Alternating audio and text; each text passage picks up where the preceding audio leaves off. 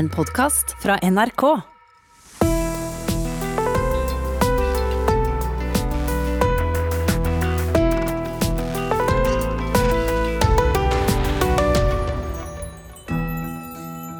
Han snakka om å stå opp om morgenen, om å bli best, trene på å være rå i hodet. Alltid optimalisere, aldri snuse. Allerede før klokken ni om morgenen er det en forskjell mellom han som bare er ok, og han som er best. Er eksempel på fryktelig irriterende ting den tidligere fallskjermsoldaten kunne si. Men så forsvant han. Hans eget hode ble kanskje for rått og hva skjedde? Mitt navn er Hilde Sandvik. Hver dag i påsken har jeg invitert et lite mysterium til å være sammen med meg en time. Dagens gjest er til alt overmål gjennomstått, holdt jeg på å si. Igjen. Erik Bertrand Larsen, mentaltreneren som har hatt OL-vinnere, børshaier, Halle Tjuvholmen, Aker Brygge for å finne sine indre løver og elefanter. Men han har òg latt klienter ligge i likkister, krevd at de skal klippe håret, skjelt ut folk for å ha slappe mål i livet, ikke finne the mental edge.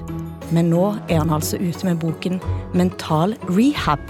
Fem steg til et fantastisk hverdag skrevet på rehab i USA for pillemisbruk. Velkommen, Erik. Tusen takk. Eller Bertrand. Det kommer gjerne Erik. Ja. Ja. Det er så mange ting jeg har lyst til å finne ut av, men aller først, hvis du skal beskrive deg selv til P2s lyttere, hvem er Erik Bertrand Larsen? ja, hvem er jeg? Eh, nei, jeg er vel en ganske normal eh, fyr, føler jeg. jeg, eh, jeg, jeg er pappa. Eh, jeg er en sønn av to fine foreldre og bror til en flott søster. Jeg jobber som coach eller mentaltrener. Eh, det er litt kort om meg. Mm. Og jeg har rett og slett lyst til å høre hvem var du som liten gutt? Ja jeg var, en, eh, jeg var en grubler. Jeg tror jeg var en tenker. Jeg var ganske mye alene. eh, Følte meg, følte meg alene. Eh, Veldig liten av vekst eh, når jeg begynte på barneskolen. Skar opp r-en, som jeg fortsatt gjør, fordi jeg lærte å prate på Vestlandet, og min mor som er fra Haugesund. Eh, Jeg var liten, største, litt veik. eh, Litt filosofisk, kanskje. Um, um, hadde en trygg base, men jeg følte meg litt alene på skolen. Um, så, så som liten gutt så ser jeg vel for meg at jeg likte meg på somrene på Hvaler, hvor jeg fikk lov til å være alene og i, i, i tett med naturen og, og fundere over livet allerede som guttunge. Uh, det er litt om meg som barn. Ja. Og var du han som ble valgt på kanonballag, eller eh, ikke? Eller var du han som valgte? Nei, jeg ble han som ble valgt sist, når det var i hvert fall fotball, husker jeg. Jeg sto ofte igjen. Det var jo så pedagogisk, pedagogisk fantastisk at de to beste gutta gjerne valgte lag. Og da måtte jeg eh, Ja, det husker jeg faktisk veldig godt. Jeg sto igjen som en av de siste. Og det var også mange ganger at eh, de beste jentene ble valgt eh, før meg, da. Eh, Så det, det, kjenner, det, det husker jeg faktisk veldig godt, som litt sånn vondt, da. Ja, og hva gjorde du med det? Ja, hva gjorde jeg med det? Altså, jeg Jeg, jeg, jeg, jeg var jo altså, Jeg tror ikke jeg gjorde noe bevisst i forhold til det, men det er sånn på et eller annet tidspunkt så bestemte jeg meg jo for at jeg hadde lyst til å bli en tøffing. Eh, Så det var en sånn eh, episode hvor jeg ble snødynka eh, på skolen av de store gutta. Hvor jeg løp gråtende hjem.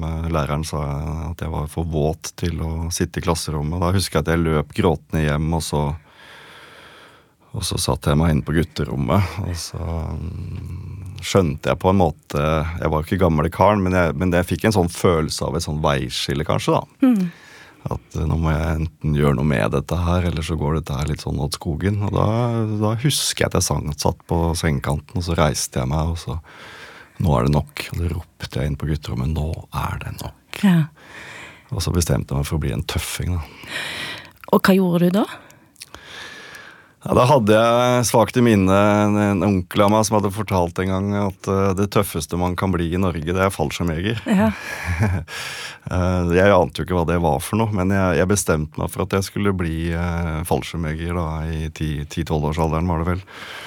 og så begynte jeg å trene til dette her, faktisk. da. så jeg um, jeg begynte å løpe, og eh, etter hvert som jeg kom opp i tenårene, så begynte jeg liksom å gå med sekk, og jeg begynte å bade i kaldt vann, og fikk det veldig for meg at jeg skulle bli en tøffing. da. Dette her var Brumunddal. Eh, Våler ja. i Soler og Brumunddal, oh, ja. ja. Og jeg vet ikke om det preger din oppvekst, men Brumunddal på denne tida var et litt spesielt sted? Ja, ryktet var i hvert fall eh, dit hen. Ja. Eh, men, men, jeg eh, Som barn så, så, så, kjente jo ikke jeg til det som mange forbandt med Brumunddal på den tiden. Der, og det var høyreekstremisme, rett og slett? og... Ja, det var jo, det ble jo sånn såkalt slag der, ja. hvor, eh, hvor, han Myrdal reiste rundt, og så bestemte vel en del folk seg for å ta han der, og så ja. var det en del eh, Ja, nei, så det ble jo Det var jo kjedelig for Brumunddal, for jeg opplevde jo Brumunddal og gjør det jo fortsatt som et, som et fint sted, da. Men uh, for renommeet så var det jo litt dumt, da. Du har skrevet en bok, og vi skal snakke mer om den seinere, men du tilegner den til mamma og far. Ja. Eh, og hvorfor ikke mamma og pappa? Ja, nei, Det er nok litt tilfeldig. Eh, far ville at jeg skulle kalle han far, og, og, og, og, mamma ville veldig gjerne bli kalt for mamma. Så jeg tror min far kalte sin mor og far for mor ja. ja så, så det, er, det, er, nok litt tilfeldig. Så det ble en sånn rar miks med at den ene ble kalt far, og den andre mamma. Var den ene strengere enn den andre? Ja, det var det. Far var, eh, far var nok eh, på mange måter eh, Han var snill og god, han. Jeg har et veldig nært og godt forhold til far, men han var nok i oppveksten så var nok han litt den strenge, ja. Han var en harding, han. Mm. Og så var mor den litt typiske, veldig kjærlige og, og forståelsesfulle. Mm. Så litt motsetninger der var det nok. Mm. Men du, kom, du, søkte deg mot militæret, og du kom jo inn etter hvert eh, på fallskjermjegerutdannelsen, men så skjedde det jo òg noe der som òg er på mange måter startpunktet for som det som blir boken din, da. Mm. For det gikk jo ikke helt smertefritt, bokstavelig talt. Nei, jeg var under fallskjermjegerutdannelsen, så så var jeg vel halvveis i den utdannelsen, så, så, er det en buss da, som kjører inn i meg på E6 på vei til jobben en, en morgen. Mm. Um, og den um, Så jeg var jo bevisst hele tiden, og det var jo ikke noe sånn gigasmell. Uh, men, uh, men jeg kjente jo der og da, når adrenalinet gikk ut av kroppen, at nakke og hode fikk seg en trøkk. Mm. Så jeg var bare et døgn på sykehus og klaga jo på litt vondt i hodet. Men håpet og trodde at det skulle på en måte gå over. Mm. Men, mm. men det ble vedvarende, og jeg fullførte vel fallskjermutdannelsen med et nødskrik. og og måtte da eh, kaste inn håndkleet da eh, og, og, prøve å finne på noe annet pga. at jeg hadde så vondt i hodet. da. Ja. Og så surra du rundt og solgte mobiltelefoner og gjorde litt diverse? Ja, da, da, jeg kom inn da på Handelshøyskolen i Bergen, og så prøvde jeg å studere litt, og så var det vanskelig, for det å sitte og konsentrere seg var nesten enda verre enn å, å være litt aktiv i militæret. Mm. Og så, så, jeg sosa lenge der, og det var en vond tid, for jeg hadde, jeg hadde mye vondt, rett og slett. Uh, og, og, liksom følte ikke at jeg uh, klarte så mye. Uh, og så ble det til det var vel en sommer der at jeg tenkte jeg må ha noe å gjøre. Og så møtte jeg på en, en bekjent eh, som solgte mobiltelefoner på gata, og lurte på om jeg også kunne ha det som en sommerjobb. Mm -hmm. Uh, og, så, og, så, sa han at ja, det kan du helt sikkert uh, gjøre. Og så, så det holdt jeg på med et år, faktisk. Ja. Jeg reiste land og strand rundt og pusha, pusha, pusha mobiltelefoner på, til folk på gata. Åh, det er sånne fryktelige folk du ikke har lyst til å snakke med. ja, ja, sånn, ja. Tid! Men heldigvis da var vi ganske tidlig ute med sånn såkalt direktesalg. Uh -huh. Så det var, uh, men noen år etterpå så vrimlet det jo av dem, spesielt i Oslo sentrum. Men jeg dro jo opp til Finnmark. Og med en hockeybag full av uh, Motorola D460, husker jeg. Og solgte mobiltelefoner i bygde og by nedover hele landet. Mm. Så jeg lærte jo faktisk litt av det. Uh, Eh, for man, det er hardcore sales, på en måte. da. Eh, fordi du, får jo, du blir jo avvist veldig mye. Og så er det det å liksom skape tillit på kort tid og, og prøve å få til et salg. Så jeg, jeg, følte faktisk at jeg fikk mye igjen for den. Jeg solgte et avisabonnement for en mindre avis i Stavanger ja. en periode i ungdommen. Og da husker jeg at jeg pleide å si når jeg ringte, dette var telefonsalg, ringte, og hvis det var da en dame som tok telefonen, så spurte jeg umiddelbart kan jeg få snakke med din mann. Ja. Hva var ditt triks? Åh, dette her begynner jo å bli fryktelig lenge siden. Nei, Jeg prøvde vel å, å, å være litt ironisk i forhold til det nettopp å bli litt sånn plaga på gata. Uh -huh. Så jeg tror jeg tok det liksom eh, at noen ganger i hvert fall kjørte jeg inngangen med at uh, ja, du liker vel å bli stoppet på gaten og, og bli prakket på noe her. Uh, så det var, jeg prøvde vel litt humor, og så prøvde jeg litt sånn å, gå med de, og så var det jeg Så jeg syns det var veldig moro å liksom se er det mulig å stoppe et menneske og prøve å lese de og forstå de såpass raskt at man kan trykke på en rett knapp sånn at vedkommende faktisk har lyst til å høre på litt mer, da. Uh, men så var vi heldige. Vi hadde en telefon som Det var da mobiltelefonen begynte liksom å, at folk vurderte å ha det i, i hvert hjem. da. Mm -hmm. Så det var liksom litt spennende for mange òg. Så, så, sånn sett var det Vi var nok litt heldige med timingen, for vi solgte faktisk mye telefoner. du skriver i eh, boken om eh, en situasjon i fallskjermjegerutdannelsen altså med om frykt. Altså mm. når du skal hoppe stabilt. Det er en ganske konkret eh, beskrivelse, kan en si. Mm. Eh, men hvis du bare kan fortelle meg episoder der du er livende redd Eh, og hva det gjør med deg. Ja, tenker du generelt, eller den, den spesifikke? Du kan begynne med den. Mm -hmm.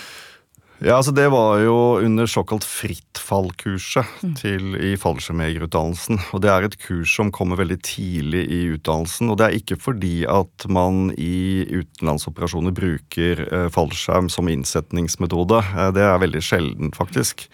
Eh, men, men, de bruker det, sånn jeg har forstått det, så, så, noe av hovedgrunnen til at de har det kurset for fallskjermjegerne i Jeg tror ikke de har det faktisk nå, men men det var, det var, nettopp det å, å, vise evnen til å håndtere frykt. Og hvis du på en måte har klart å, å hoppe ut av et fly som funker, eh, så, så, tar du med deg den mestringsfølelsen inn i andre, eh, inn i andre elementer av utdannelsen. Mm. Um, men jeg, jeg, jeg, var jo redd under det frittfallkurset.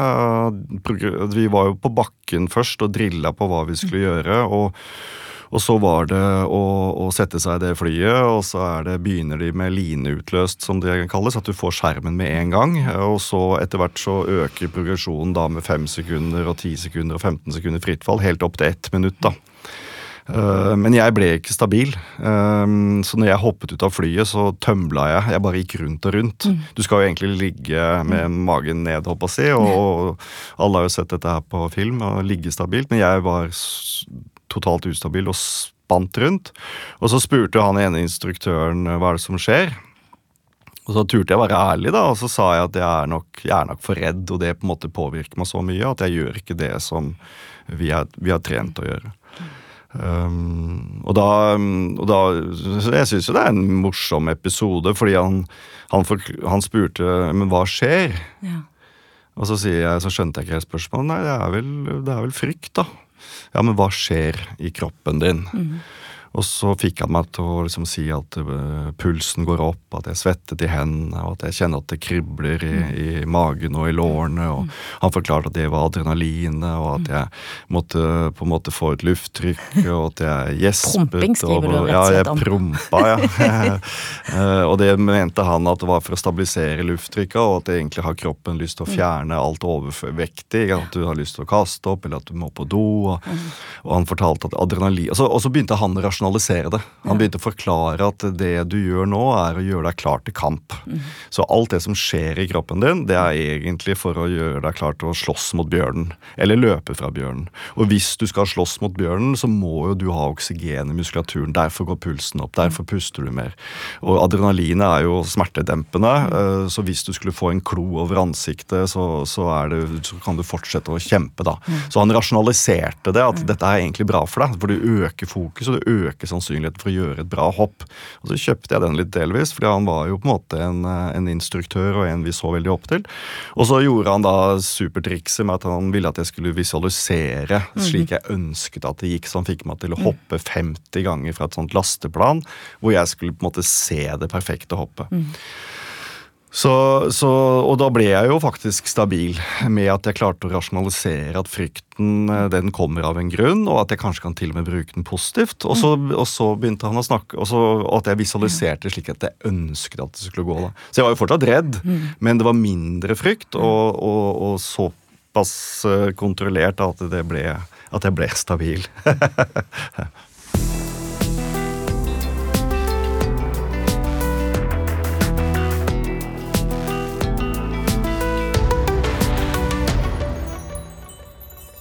Du hører på Sammen med Sandvik, og den som er sammen med meg i dag, er Erik Bertrand Larsen. Og før vi dykker ned i hva som skjedde, så må vi sveipe innom hva du har gjort som mentaltrener, og hva du forsøkte å gjøre. Hører du hva dette er? You're a garbage person, Wendy. It's what you are. It's what you all are. Ah, ah. Fuck you. I guess we hit the target. The Garbage Person, vet du hvem det er? Nei. Det er Referansen her er selvfølgelig HBO Nordic-serien Billions. Ah. Da vet du hvem Garbage Person er. Hvem er det? Nei, det husker jeg ikke navnet på. Wendy. Ja, å, ja, nei, Det ikke sant? er Wendy, må du huske navnet. Nå kobler jeg. Ja, ja, Ja. at det var, folk tømte seg, tømte, seg- tømte seg av henne, ja. ja, ja, ja. Wendy Rhodes, Ja, som da har altså er psykologen, eh, karakter som eh, performance coach da, i hedgefondet Axe Capital. ja. Eh, Jeg burde ha tatt den. Du burde ha tatt den, fordi at du har til og med blitt sammenlignet med denne Wendy. Ja, det Jeg jobbet jo som sånn Da kalte jeg meg performance coach da, i, i finans... eh, I meglerhuset Arctic Securities, ja. Så jeg var eh, fulltidsansatt der, så det var ikke så ulikt den rollen Wendy hadde i Billions. Det stemmer det. Nei, for eh, Du har hatt folk fra toppen av Maslows behovspyramide, som Kapital skrev en gang om deg. Eh, de hadde et eh, portrett som begynner solbarket, striglet, tilsynelatende selvsikker. Om han ikke er trøtt, den dresskledde muskelbunten med det perfekte håndtrykket og det nesten litt irriterende, våkne, klare blikket. Eh, og de skriver om den krigerske tilnærmingen og, osv. Kjenner du deg igjen i dette nå? Her sitter du med skjegg og, og linskjorte og dongeribukse, og, og dressen er borte vekk. Ja. Jeg kjenner meg Jeg kjenner Hva skal jeg si? Ja, det var jo det var en voldsom intro, det der, da. Um, nei, jeg har nok beveget meg litt bort fra dressen, da. Det har jeg. Ehm, eh, selvsik- den tilsynelatende selvsikkerheten, den, den det er nå det, det Jeg vet ikke om jeg er så selvsikker, eh, men jeg kan kanskje fremstå som det. Men eh, inni der så er jeg absolutt ikke selvsikker i alle situasjoner, nei. Nei, for du har altså hatt eh, ja, finansfolk, og du har hatt idrettstopper OL-stjerner og, og diverse andre fra Tjuvholmen på din kundeliste i Bertrand AS. Eh, og og, det, og dette var på en måte fra starten av det, og du var i ferd med å bygge deg opp. Og, og et selskap som heller ikke kom til å gå så bra, da. Nei, min, min reise som, eh, som mentaltrener har jo vært eh, Det har vært opp og ned, det. Nå har jeg holdt på med dette her i, i 15 år, og, og det har vært uh, mange fine oppturer med, med mange flinke, dyktige, interessante mennesker. Og mange vanlige mennesker. Og så har, det, og så har jeg hatt uh, også mine nedturer, absolutt, med at jeg prøvde å bygge selskapet, og jeg prøvde å ansette masse mennesker. Men der tapte jeg mye penger òg.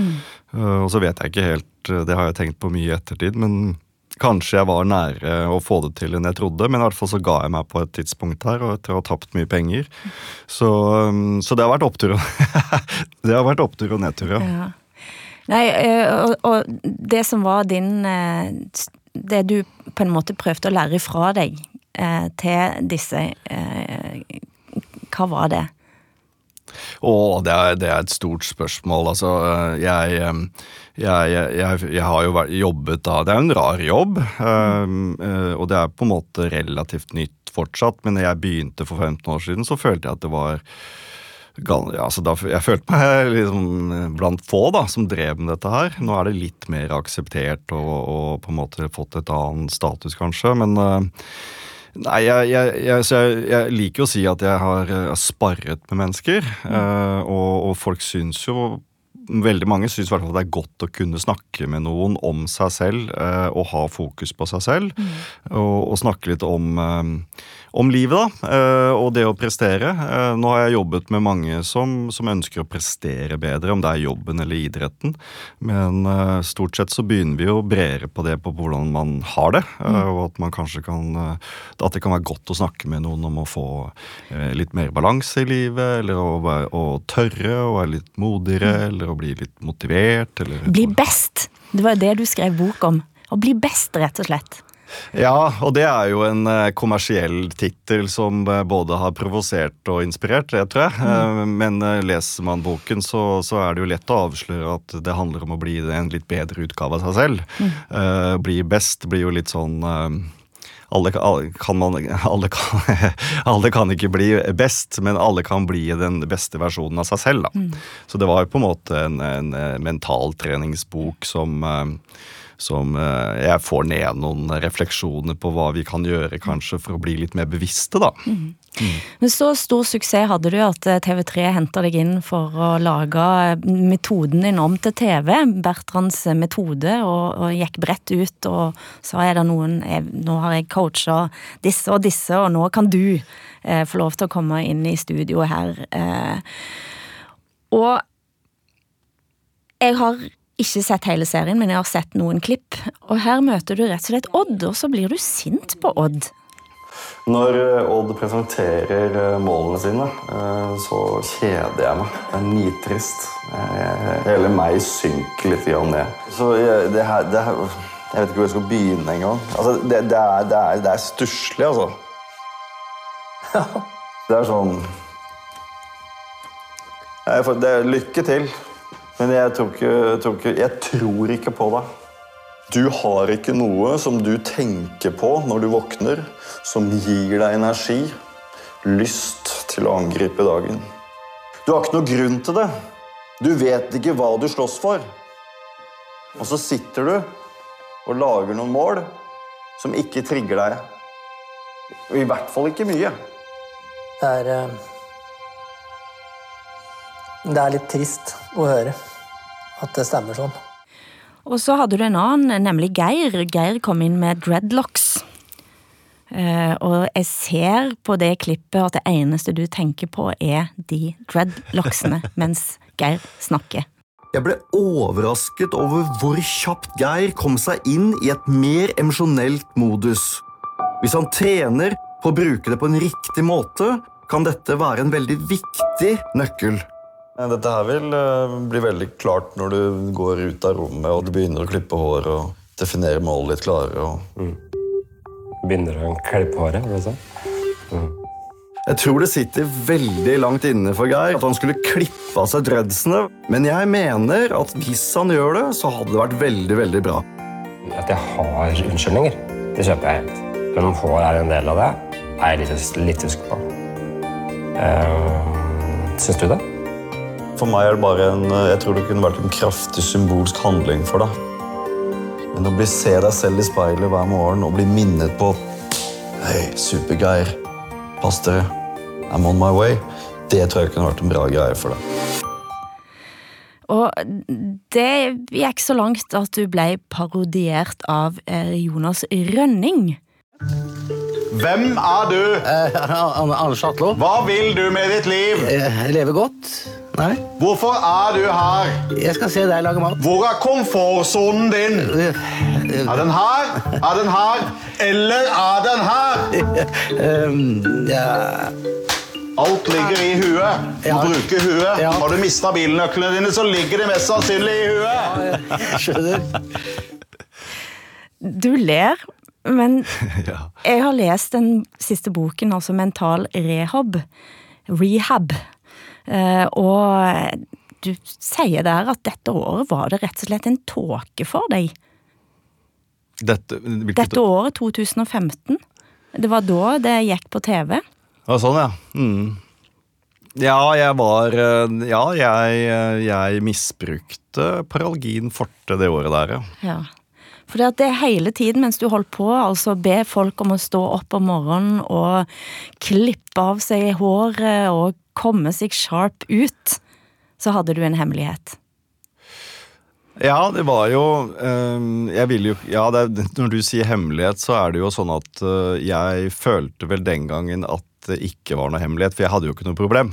Mm. så, så, så jeg hadde jo en eh, Jeg lurte jo meg selv i, i noen år der med at dette hadde jeg kontroll på, og dette på en måte håndterte jeg, og dette skulle jeg slutte med akkurat når jeg ville, type. Um, fordi det var i- absolutt i perioder der jeg tok uh, uh, Paralgin, fort, altså smertestillende, og, og innsovningstabletter. Um, så det, så, så, så det er jo jeg helt åpen om i den boka. Der, eh, og det problemet på en måte ja, det, ble, eh, det ble jo bare større og større helt inn mot 2017.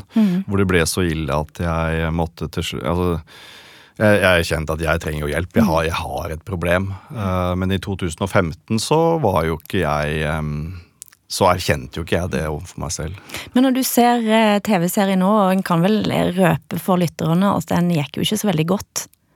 Nei, den TV-serien eh, floppa jo. Eh, altså den, de, alle episodene vi laget ble ikke vist engang, tror jeg. Uh, av lave eh, seertall. Eh, så det, det var jo kjipt, det. Men, eh, men eh, vi prøvde, og det, det fikk vi ikke til. Eh, og så er det sikkert mange grunner til at det, kunne, at det ikke gikk så bra.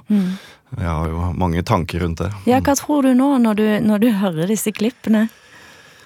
Ja, jeg, altså Utgangspunktet for ideen var at vi skulle på en måte skape TV i, med, med den gode samtalen. Og at samtalen skulle på en måte være essensen i TV-programmet.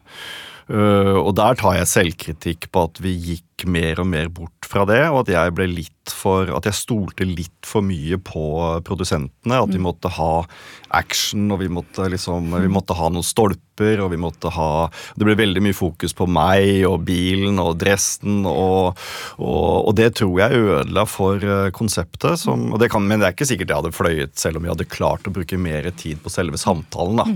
Eh, Men det er klart, eh, dette med hår og, og, og det å på en måte bli litt sint og provosert og sånn, ble litt for å gjøre det TV-vennlig. Du Det er sånn Eivind Hellstrøm-aktig på folk i ja, stedet for ja, mat. Ja, det funka, ja, det, fun, det, det, det, det funka ikke. Hallo. Kommer dommen? Å, herregud. Velkommen til uh, din begravelse. Og såpass? Akkurat. Oh my god. Kan du legge deg i kisten? Skal jeg gjøre det? Seriøst? Jeg forventa bare en vanlig samtale, at nå skal vi bare gå inn igjen til session to, og så skal vi sitte i stolen, og så var det den kista, og da begynte jo tankene å fly, liksom, og tenkte å ja, akkurat, da, vi skal ta det så dramatisk. Jeg har skrevet en nekrolog um, øh, som jeg skal lese til henne.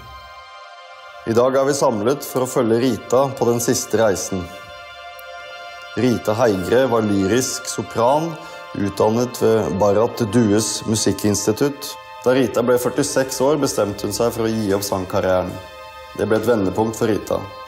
Hun var et menneske som hadde alle muligheter i livet, men som valgte å gi seg for bunnen. Om det hadde funka mer om vi bare filmet den gode samtalen, det vet jeg ikke.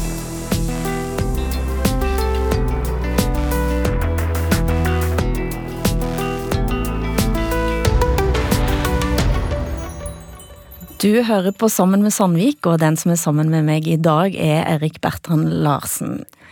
Men altså, det var så ille eh, i disse åra at du en natt eh, kutta deg med kniv og ble henta med sykebil. Mm. Hvor kommer du dit? Hvordan jeg kom dit? Mm. Nei, det, det, er jo helt natta. Og det er jo øh, Jeg tenkte når jeg først skrev den boken her, så måtte jeg skrive om det vondeste og mest patetiske og teiteste jeg gjorde i, øh, i rus. Fordi jeg, øh, jeg, vil, jeg vil på en måte Da vil jeg ikke på en måte jeg må være bånn ærlig om det vondeste og kjipeste, sånn at det ikke ettertid kommer noe 'nei, det var verre', eller mm. Det var mye mer enn som så, eller altså Og, og på en måte erkjenne at så ille var det. Mm. Um, uh, og, og, og, jeg har tenkt mye på det um, liksom, hva er grunnen til at jeg kom dit? Uh, liksom, hvordan kunne det gå så galt, på en måte? Uh, og det jeg har nok noen gode jeg, jeg, føler at jeg har noen gode, noen gode, svar på det, men samtidig så er det veldig komplekst og sammensatt. Så jeg lurer på eh, den dag i dag så lurer jeg på kanskje jeg har en litt annen versjon, eller at det er andre faktorer eh, som jeg trekker fram om et år eller fem. Men, eh, men jeg tror jo på en måte at det er, det er, veldig sammensatt. Eh, det er veldig komplekst. I hvert fall lærte jeg det på rehaben, på mm. årsakssammenheng. Men jeg tror noe av hovedgrunnen altså Grobunnen var jo den kroniske plagen fra bilulykken. Men det som på en måte gjorde at det ble mer og mer så mange år etterpå, eh, det, det har nok andre mm. sammenhenger. Og det tror jeg har med Jeg tror det har noe med at jeg, jeg har nok en jeg har aldri følt meg bra nok. Um, og så har det noe med at jeg var han såre, litt på utsiden, gutten. Mm. Um, og fikk et behov for å kompensere og bli han tøffingen. Og så fikk jeg bli han tøffingen i militæret. Mm. Men så fortsatte jeg det. Og jeg fortsatte på en måte å ville være han tøffingen som takla alt, og som, uh, som trøkka på og skulle håndtere alt. Mm. Og så uh, neglisjerte jeg på en måte min egen sårbarhet. Vi skal ikke snakke om eh, ekteskapet ditt, eh, som òg gikk i oppløsning i denne perioden, men når du da er, blir skikkelig dårlig, så skriver du først løy jeg for å få tak i piller, deretter begynte jeg å lyve om ting jeg hadde opplevd, bøker jeg hadde lest, samtaler jeg hadde hatt, mm. snart løy jeg om helt hverdagslige ting også, om folk jeg hadde møtt på butikken, steder jeg hadde vært, det var patetisk og rent ut sagt fullstendig unødvendig. Uh, hva, hva, slags, altså, hva er det som skjer med en? Altså Det som skjedde med meg, var at, eh, at eh, når man på en måte på litt sånn generelt grunnlag um, Nå gikk nok dette kun utover de aller nærmeste, uh, dessverre. Men, men det som når man i utgangspunktet på en måte ikke føler seg bra nok. Mm. Uh, og det er noe jeg dessverre har med meg fra barndommen, og det er kanskje noe jeg må kjenne litt på uh, resten av livet òg. Mm. Um, når man på en måte når man, når man, ikke føler seg bra nok, og når man innimellom da ruser seg. Mm. Og for å føle at man liksom er noe, så blir det til at i rus så begynte jeg å å, si ting for å føle at jeg var bra nok. Og det det er forferdelig. Det er liksom, det er kjipt, altså. Og det er, sånn, og det er som, jeg, som jeg skriver, da, det er patetisk. For jeg hadde ikke noen grunn til å Jeg ser på det i ettertid, så ser jeg at jeg hadde jo ikke noen grunn til å lyve. Jeg, masse jeg kunne være stolt av, masse jeg, som, jeg, som jeg kunne på en måte leve godt med. Og så blir det til at man begynner å lyve for seg selv først, på at man har kontroll på pillene, og man liksom tenker at dette har man kontroll på, og så begynner man å lyve om flere ting, og så, og så vokser dette her til å bli litt sånn uhåndterlig, da. Og det er, det er det er en negativ spiral, rett og slett. Nei, altså Mens du fremdeles hadde Bertrand AS og skapte suksessoverskrifter i intervjuet så Kapital da intervjua et knippe fornøyde kunder.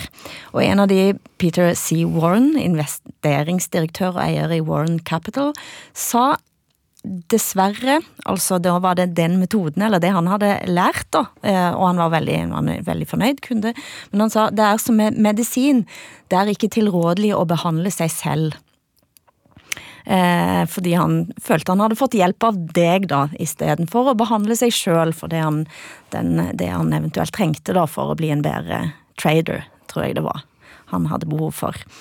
Eh, men på mange måter, du drev jo med en sånn sjølmedisinering, veldig konkret. Men hvordan gikk det med den mentale treningen av deg selv?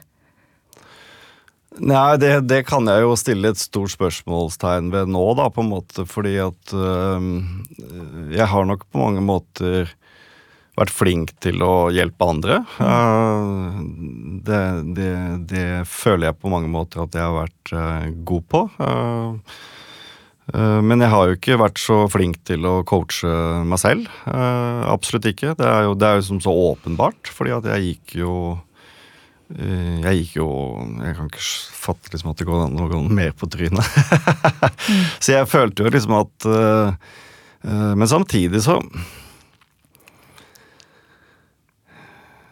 Samtidig så be, har jeg nok bedt litt om dette her òg. Altså jeg, har, jeg har nok hatt en, et ønske om å leve sterkt. Alltid hatt et ønske om å være ambisiøs, og jeg har, jeg har, i mange år tenkt at når livet ebber ut, så har jeg lyst til å tenke at dette her var en superfin reise.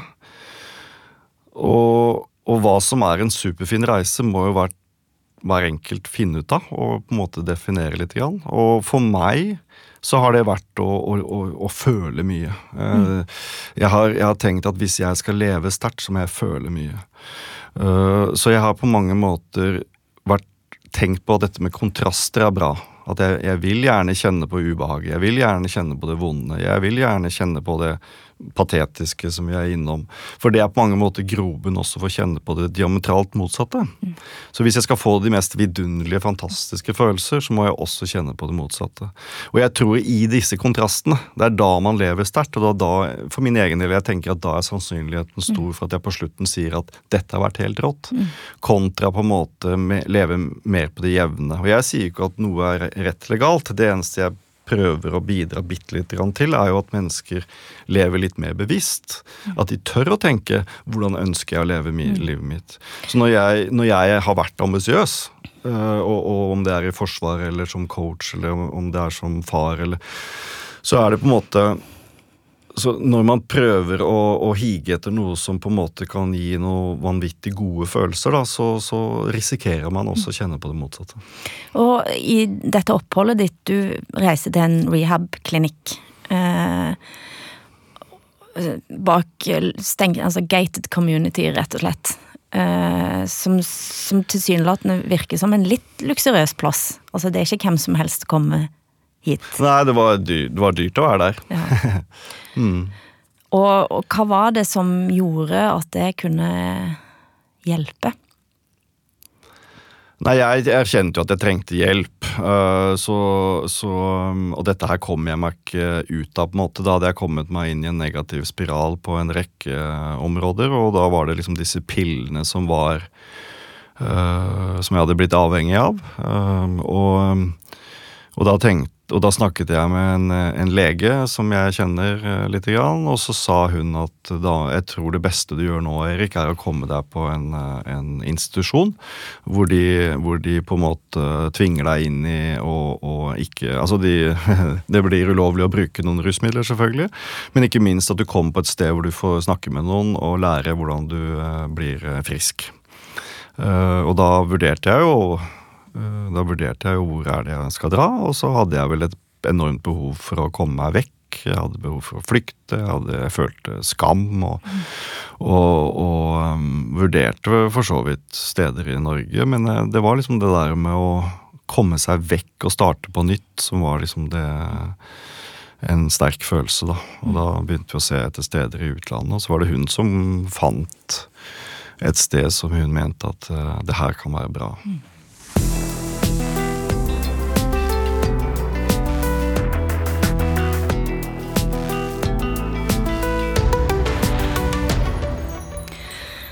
Du hører på Sammen med Sandvik, og den som er sammen med meg her i dag, er Erik Bertrand Larsen. Og nå har vi altså havna på rehab eh, i USA. Eh, det er en som heter Louise der. Louise Dahl, er det datter til Roald Dahl?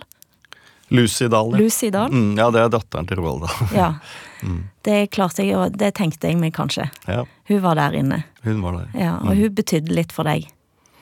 Ja, hun og jeg ble gode venner og, og støttet hverandre. Og vi bodde jo tett på hverandre, vi som eh, var der. Og, men hun fikk jeg en ekstra bra kontakt med. Mm. Hvorfor det? Ja, det er et godt spørsmål. Um, det, det, det var en form for kjemi. Um, noen mennesker går bedre sammen enn andre. Jeg tror vi fant hverandre litt på humor og og, og på en måte personligheter. Da, at vi, vi likte å, å, snakke sammen og være sammen og støtte hverandre gjennom en, en tøff tid. Så det var vel en form for kjemi. Da. Men eh, det kunne gått galt? Ja, hun øh, Vi satt og så Vi hadde sånn Var det torsdager eller fredager, så var det sånn fast filmkveld hvor alle innsatte, som vi, kalte oss, øh, um, fikk lov til å se på film. Og det var også den eneste kvelden vi, vi fikk lov til å nyte noe som var liksom, noe, noe godt. Det var popkorn. Uh, det var jo forbudt med, med koffein og sukker og, og sånne ting. Så det var popkornkveld, og så hører vi plutselig et brak inne fra, fra um, kjøkkenet. Um, og så så alle reagerte på at det var et eller annet smell. øh, Men så, så tror jeg liksom folk tenkte at det var sikkert en dør som slo. eller et eller annet sånt. Men så gikk det jeg vet ikke hvor lang tid, om det gikk et lite minutt. eller Så tenkte jeg det der, det der må jeg sjekke ut. Hva var det smellet? Så går jeg inn på kjøkkenet, og så ligger Lucy hun ligger på gulvet med, med hodet oppunder under opp mot uh, kjøkkenskapet. Mm. Og hun hadde da blå, blå lepper og, og, og lukkede øyne. Og så drar jeg henne forsiktig ut for å gi henne frie luftveier. For jeg, jeg var jo redd at hun Jeg var redd at hun var død, faktisk. Mm. Um, så, da kommer combat medicen til syne. ja, jeg tenkte faktisk ABC fra mm. disse medic-kursene i Forsvaret. Altså Airways, Breathing and Circulation. Så det første jeg måtte gjøre, var å gi henne frie luftveier. Mm. Og så lurte jeg jo veldig på om hun i hele tatt pustet og om hjertet slo. Uh, og så ble jeg faktisk veldig usikker på man, Jeg husker jeg hadde lært se på om brystkassa hever seg, og jeg husker jeg hadde lært å putte øyet ned mot munnen og nese, for det, da kjenner du det om det kommer luft. Men, og da var jeg usikker på om hun faktisk pustet, så da tenkte jeg at nå må jeg gi henne munn til munn, og så tok jeg hodet hennes bakover. Men da plutselig så gispet hun til seg luft, da. Mm. Uh, og var, uh, var, var i live. Ja, ja. Og, mm. Så hun hadde nok bare blitt bevisstløs, da. Mm. Men hadde hun ligget inntil kjøkkenet hadde hun ligget mm. uten luftveier, så hadde det kunne gått galt, rett og slett. Da. Den boka du har skrevet nå, er jo en sånn kombinasjon igjen av nye mentale råd. Jeg kjenner igjen rådene dine. Um, å stå opp om morgenen igjen. Det står ikke 'klipp deg og få deg en jobb', men du skal få orden på ting. Uh, og jeg har et par høner å plukke med deg. Mm -hmm. uh, og jeg fant fram en, en kronikk uh, som sto altså i Aftenposten i 2015, da. Jørgen Flor. Som skrev om boken din 'Bli best', med mental trening. Mm. han han er psykolog og forfatter og tok for seg eh, disse påstandene. Eh, men han skriver òg altså Jeg har alltid hatt et horn i siden til Erik Bertrand Larsen. Når jeg underviser på videregående skole, er Bertrand og Snåsamannen eksemplene jeg bruker for å mane til kritisk tenkning. Og det ene, de ene av, av de punktene er, er at han mener at påstanden som stammer fra den boken din der. Når du har tatt et valg, vil du mest sannsynlig være fornøyd med valget. Han eh, går til forskningen og sier at sånn er det ikke. Altså, det, eh, men ha, ha, angrer du på dine valg? Om jeg angrer på Jeg, jeg skulle gjerne hatt mye ja, ugjort, jeg. Um, uh, det jeg gjør Jeg har gjort mange feil i livet, jeg. Så det er jo, men, men sånn er det vel. Det er men noe... du har skrevet 'Vi er ikke skrudd sammen slik at vi kan angre på de valgene vi ikke tok'. på de vi ikke tok. Ja, det er nok sjelden, og det har jeg vel Den står jeg vel fortsatt Ja. for. Men, eh, men det er jo det er jo Man kan jo skrive en, en bok om mentaltrening, og så kan man lese den eh, kritisk. Og man, når man generaliserer, som man må gjøre da, i en sånn bok, så er det jo lett å finne ting som man er uenig i, eller som på en måte forskningen også på en måte kanskje sier noe annet. Men, men, men, men, eh, men jeg ønsker Altså, jeg har ikke noe behov for å ha rett. Altså, det er jo så lenge jeg kan inspirere noen, ja, så er jo det på en måte målet. Eh, Det er jo masse psykologer som eh, har på en måte vært kritisk til meg, og det er helt greit. Og det er masse psykologer som, eh, som hyller det jeg har gjort, fordi at de, de, de sier at endelig er det noen som tør å forenkle litt, og endelig er det noen som tør å på en måte gjøre det eh, håndgripelig, da. Eh, at det ikke blir for komplisert. Eh, Så, men har, ikke- jeg har ikke noe behov Altså, jeg skal jo ikke ha rett. Det, er- jeg er jo ikke noen politiker som skal hevde noe eller være i noe debatt. Men så lenge jeg kan inspirere noen, så syns jeg det er meningsfullt. da. Men det er én ting som jeg iallfall ønsker å ta opp. Ja. eh, Og få eh, avmystifisert en gang for alle. Og det er denne morgensekvensen. Den beste enkeltjusteringen vi mennesker kan gjøre for å få det litt bedre, det er å få en god start på dagen. Være litt mer bevisst på hvordan få en god morgen. Kanskje stå opp litt tidligere, planlegge dagen, få en god frokost. Kanskje få seg en joggetur eller en meditasjonsøkt. Men det å få en god start på dagen øker sannsynligheten for at resten av dagen blir litt bedre. Og i boken din Bli best så sier du jeg tror det er viktig å stå tidlig opp fordi det er karakterbyggende, rett og slett. Og på slutten eh, Altså om B-mennesker, de, det, det tror jeg utelukkende er mentalt. De har jo ingen problemer med å stå opp hvis de må rekke et tidlig fly når de skal på ferie. Og jeg må jo bare innrømme at for meg eh, så er det å stå opp tidlig på morgenen, eh, overtidlig på morgenen, eksempel i går når jeg skulle rekke et fly, det ødelegger rett og slett hele dagen, og da ble jeg forferdelig glad når jeg så da at Jørgen Flor, han sier at det er sånn at vår biologiske klokke virker sammen med såkalte tidsgivere når vi sover. Og for meg så er den der tida, jeg kan gjerne våkne tidlig, men det der å ligge og snuse, det er det som kan gjøre at eh, dagen blir eh, god. Og jeg ble mye bedre den dagen jeg sa til meg sjøl jeg trenger ikke lenger stå opp tidlig om morgenen. Mm. Opponerer du nå? Nei, igjen så er det Det er eh, um, Nei, altså det er uh, jeg, jeg tror jo på å få en god start på dagen. Altså det, livet består av disse dagene som kommer og går. Altså det, det, er, det er på en måte sånn det er, at vi lever i noen tusen dager på den planeten her, hvis vi er heldige. Og da tenker jeg at det er fint å få en god start på dagen. Eh, Det er fint å komme godt ut fra hoppkanten, for da øker du sannsynligheten for at det blir et godt og fint svev. Men hvordan du skaper en god morgen, det er jo, det er jo litt individuelt. Og det er jo eh, det er forskjell på oss mennesker, og det er fra evolusjonen at eh, noen må passe på buskapen på natta. Så det er jo forsket på Hadza-stammen i Tanzania, hvor de erkjente at eh, det var nesten ingen som sov eh, samtidig i en stamme. Noen likte å legge seg seint, noen likte å stå opp tidlig osv. Og, så og det betyr at det alltid er noen som er litt på vakt. Mm. Så det er helt evolusjonsmessig, og det, det her vet jo alle, at det er, vi er i forskjellige rytmer Det er sånn.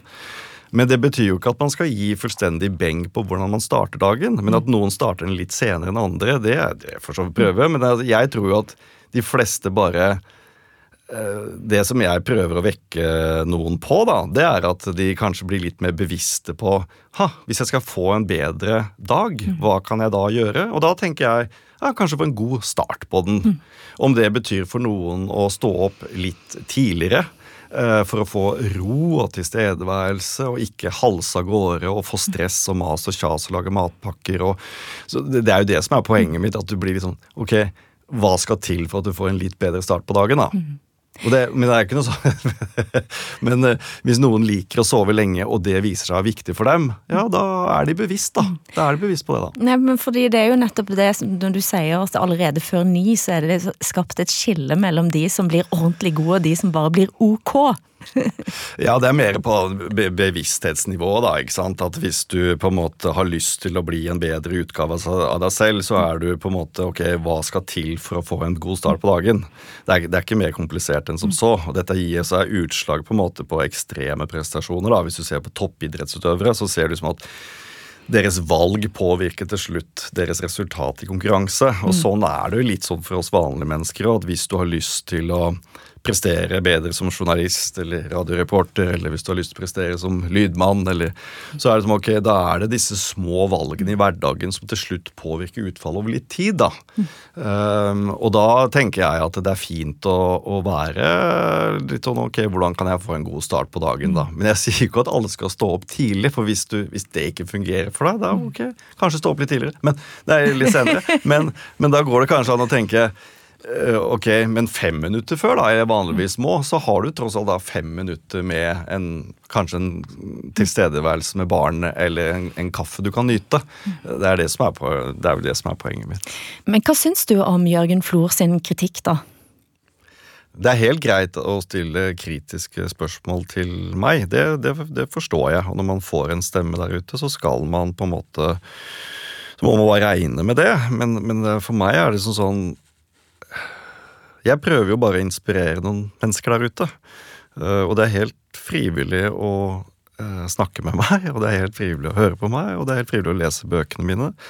Og jeg jobber jo ikke med syke mennesker. Jeg, ønsker, altså jeg jobber med mennesker som, som, ønsker å få noen innspill på hvordan man kan tenke litt annerledes og kanskje bli litt motivert og inspirert til å, å, å nå et neste nivå. Mm. Um, så, så um, og det kan jo virke som det treffer ganske bredt, da, for du selger veldig mye bøker. Ikke bare i Norge, men òg eh, i Kina, Russland, andre steder.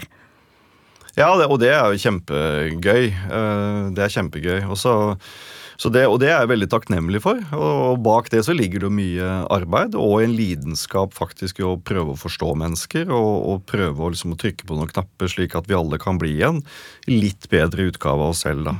Men innimellom går det jo åt skogen, og det gjorde det for meg òg. Men samtidig da tenker jeg at ja, men da må vi på en måte ha et håp og en tro om at vi kan allikevel komme på et nytt og bedre nivå, da. Hmm. Men du gyver på han igjen nå, da, etter denne, dette oppholdet ditt. Er du forresten, kan jeg spørre, går du på piller nå? Nei, nå har jeg vært Etter rehaben så har jeg vært frisk. Ja. Mm. Og, og, og hva har skjedd inni deg? Hva har endra seg inni deg? Det som, det som, på en måte var den litt større Jeg var litt inne på det tidligere, altså, men, men, det er liksom den Kall det den store den, den, den, forskjellen nå er vel at jeg har erkjent at den sårbare Erik må få lov til å ta plass. Um, og det at det å ikke føle seg uh, bra nok, det kan være helt greit. Uh, og erkjenne at det å, å, feile er kanskje også en, en stor og viktig del av, av, livet. Livet er brutalt. Livet er tøft for de aller, aller fleste. og alle kommer til å oppleve svak og sorg og sykdom, og vi skal alle til og med død, dø. Så det er klart at livet i seg selv er en, er en, en mektig reise. Og, og, jeg har nok erkjent at det å Det er litt tilbake til barndom, da. Det jeg var da, den litt sarte, sårbare Erik, må få lov til å, å ta plass og, og være der også i hverdagen. Hvis du hadde rykka tilbake til det barnerommet når du kom hjem snødynka og var våt og, og satt på senga og bestemte deg for å bli tøff, mm. hva ville du fortalt den gutten? At det også er tøft å innimellom være lei seg og nedfor, og det er helt greit å gråte, og det er helt greit å være sårbar. Mm. Um, du må gjerne gå for det, Men uh, husk at du, kan, du bør ikke bare være en ordentlig tøffing. Du må også tørre å kjenne på følelsene dine. Og erkjenne at de følelsene er å være et helt menneske. Uh, og det er helt greit å ha dager hvor det ikke, hvor det ikke gønnes på. Nei, for du har uh, omtalt følelsene som elefanter, og at fornuften er rytteren som skal da få elefanten til å kunne gå gjennom hus hvis en ønsker det. Mm. Ser du fremdeles på følelser som elefanter? Jeg ser, Ja, absolutt. Fordi at jeg ser på følelser som sterke, og som følelser som på mange måter styrer valgene våre i hverdagen. Eh, og det er nok ikke noe bare jeg mener. Eh, det er nok litt sånn det er nok noe vi alle må erkjenne, at følelsene styrer, styrer, oss mennesker. Eh, vi ønsker mest mulig av de gode, men de negative følelsene er nå der en gang, de òg. Og det er noe med å liksom erkjenne de, men det er klart at eh, jeg, kan, jeg kanskje endrer litt syn på at det, det, er ikke alltid at man skal prøve å endre disse følelsene. Noen ganger så kan det være greit å kjenne litt på de og være litt i de og sitte litt i de, og at, de, at følelsene i seg selv ikke er så farlige, kanskje. Mm. Helt sånn avslutningsvis, da. Eh, hva mål har du nå? Jeg har lyst til å være en veldig god eh, pappa. Eh, og så har jeg lyst til å inspirere mennesker til å bli litt mer bevisste i livets reise. Igjen. Igjen. Mm. Og hvem er yndlingskunden din nå? Jeg har vel egentlig jeg, mennesker som, eh, som, er nysgjerrige, og som, eh, som, er åpne for å spare. Jeg har jo ikke svarene. Svarene sitter jo hos en selv, hvis man får tid og rom for å snakke om dem. Mm.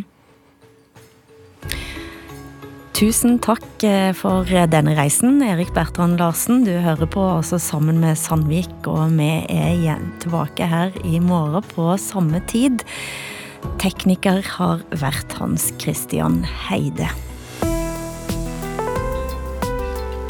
Du har hørt en podkast fra NRK. Hør flere podkaster og din NRK-kanal i appen NRK Radio.